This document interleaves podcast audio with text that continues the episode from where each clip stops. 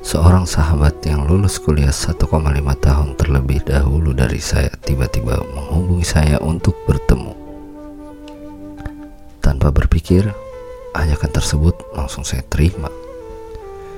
Sekitar pukul 8 malam saat itu, saya tiba di lokasi tempat biasa kita bertemu.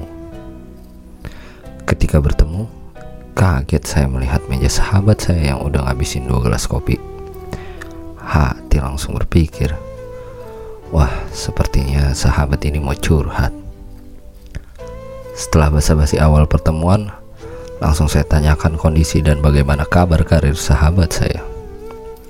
Sahabat saya cuma menjawab lesu sambil bercerita. Bro, ada lowongan kerjaan gak?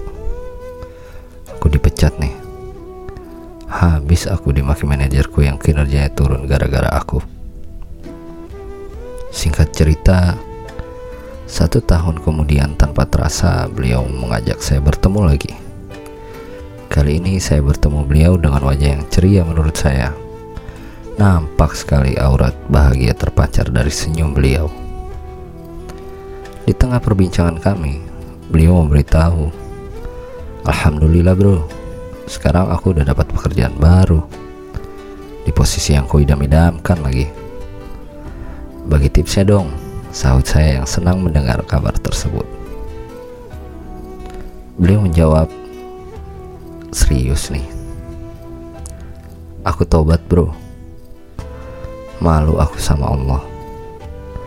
Bahkan sampai detik ini aku masih sama malu.